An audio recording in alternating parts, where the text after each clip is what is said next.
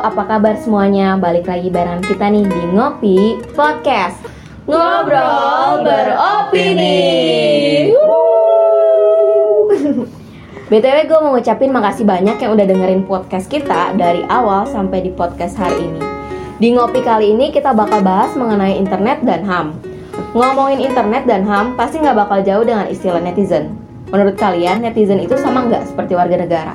Hmm, kalau menurut gue sih ya, sebenarnya tuh sama aja warga negara sama netizen.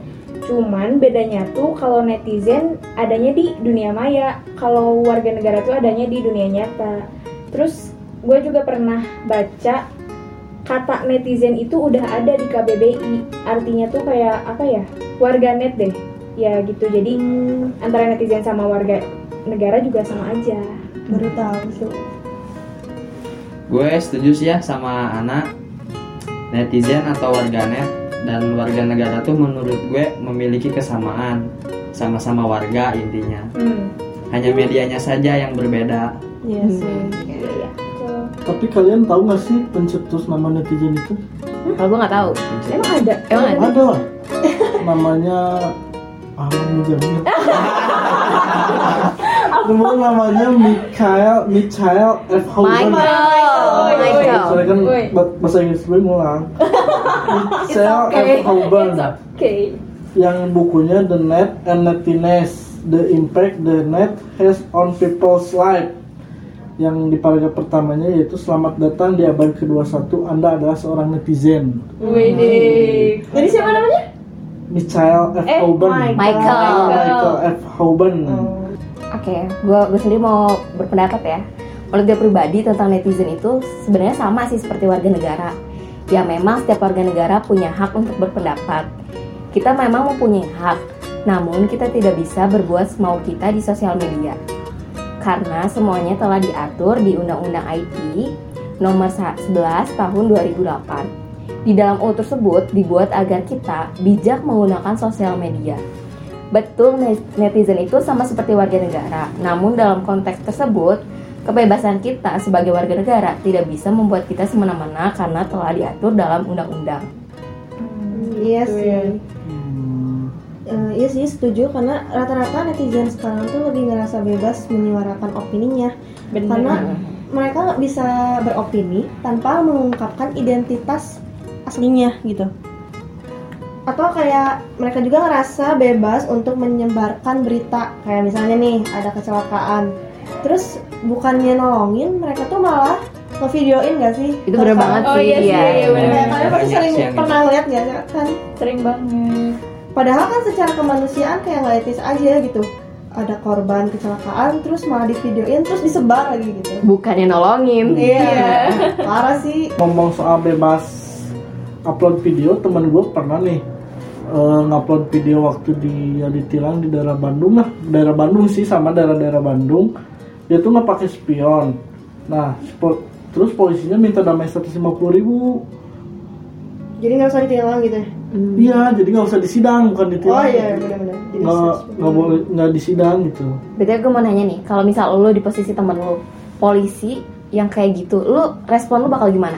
kalau gue sih ya ya gue yang minta damai polisi Karena lu nggak mau ribet, bener gak? iya Iya, iya, gue sih biar cepet sih walaupun emang nggak boleh sih ya Iya secara. Iya tapi dong. dalam proses di persidangan gitu kan Ribet kan? ribet kan nah lanjutnya Apalagi di tengah pandemi kayak gini Iya, ya. itu Iya.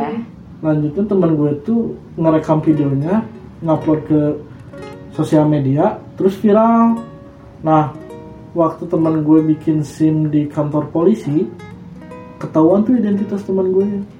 Dibawalah ke ruangan interogasi dan pada akhirnya ya kena penjara sih kena undang-undang ITE gitu kalau nggak salah. Wah, iya. Serem ya? menurut kalian setuju nggak sih kalau teman gue itu dihukum di dunia nyata? Padahal kan tindakannya itu di dunia maya.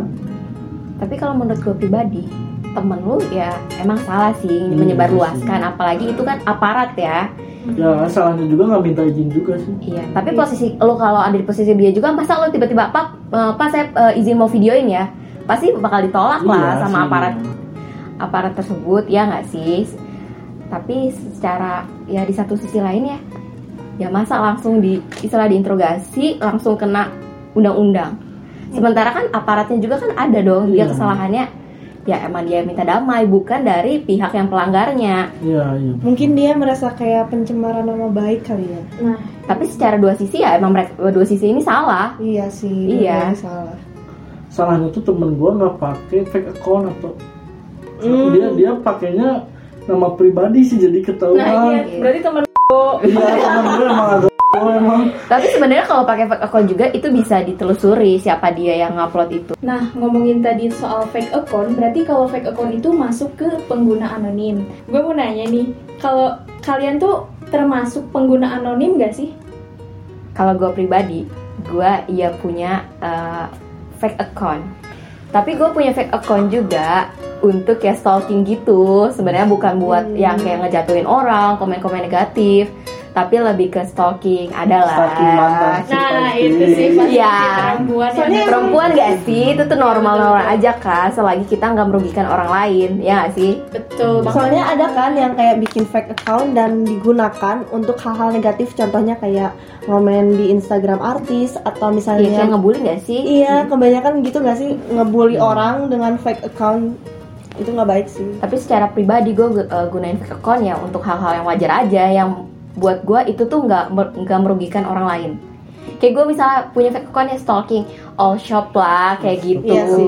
merugikan diri sendiri. iya merugikan diri sendiri ngabisin duit Iya benar-benar. Tapi nih gue pernah baca di salah satu artikel kalau Instagram itu mengeluarkan kebijakan kalau mereka tuh e, ngeblokirin akun-akun anonim kayak mungkin misalnya fake account tentang mm, video-video yang nggak baik gitu atau yang tentang kutip Oh, lah ya Iya. Menyebarkan video 19 Hmm, detik iya. gitu. aib aib Tahu orang aja lain lah lah. ya. 19 detik. Atau yang kayak menyerupai eh, artis-artis gitu gitu sih. berarti kalau fake account gue belum terblokir berarti aman dong masuknya Iya, berarti aman. gue tidak melanggar konten dari Instagram tersebut kali kebijakannya ya Tapi kalian setuju gak sih kalau pemblokiran itu diberlakukan? Eh, btw gue mau nanya dulu itu situs apa yang bakal diblokir misalnya Misalnya ya kalau pemerintah itu katanya situs-situs pornografi sih. kalau gue pribadi ya itu eh, emang bagus untuk diblokir karena itu kan moral lebih ke moral Tapi kalau gue nggak setuju sih, soalnya kalau situs itu biasanya udah ada tempatnya gitu kan.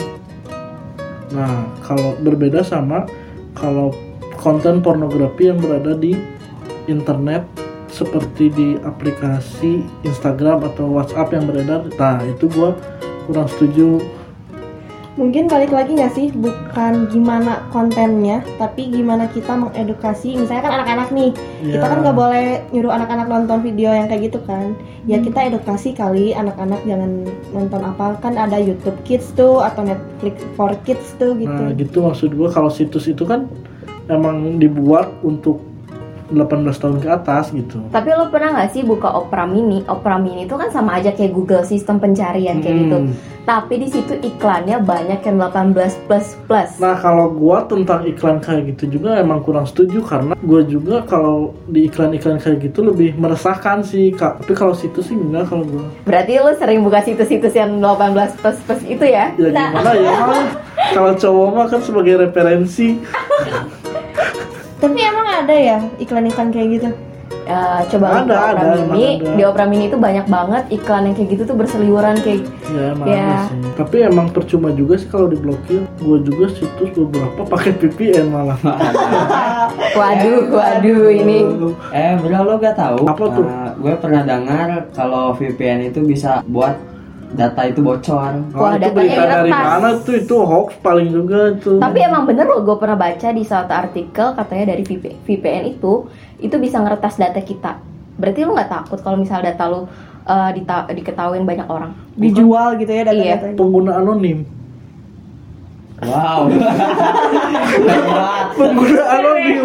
Enggak kan mereka tuh mengambil data Enggak dari sih, tapi kesannya gue yang sering nonton. Harus diteruskan ini. bukannya iya ya Ngomongin tentang rahasia nih. Menurut kalian aman gak sih rahasia di internet tuh? Kalau menurut gue sendiri nih ya, lu lu uh, ngefollow Lambe Tura nggak sih? Oh iya dong, iya. dong. Lu tahu kan selebgram terkenal Rachel V-nya? Yang ngegugat suaminya Okin itu. Hmm, iya, Iya iya. iya lagi Itu kan dia eh, sidang eh, dia kan negeri ya. Mm-mm. Nah di situ kan ada datanya, datanya bocor masuk ke akun gosip Lambetura. Menurut kalian itu tuh eh, gimana sih internet untuk privasi seseorang itu bakal ngejamin? Kalau menurut gue sendiri itu tuh enggak, enggak sama sekali. Buktinya ini data yang sangat penting aja bisa bocor ke publik. tidak bisa 100% aman kalau di internet itu pasti bocor gitu kan Pasti Tapi ada. lebih ke konsekuensi dia sebagai kan dia terkenal tuh. Kayak jadi resiko nggak sih? Karena dia terkenal, jadi banyak yang pengen tahu dan ada seseorang dari pihak dalam ngelihat hal itu dan jadi disebarin aja gitu buat bahan gosip orang-orang.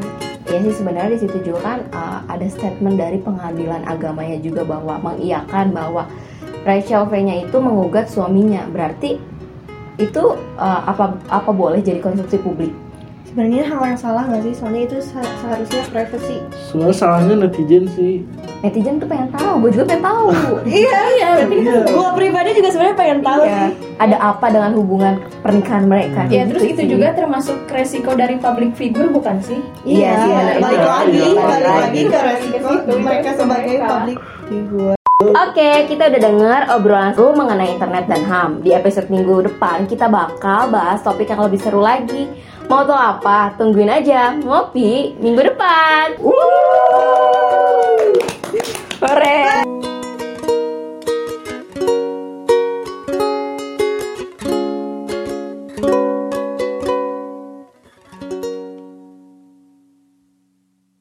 Ngopi, ngobrol, beropini.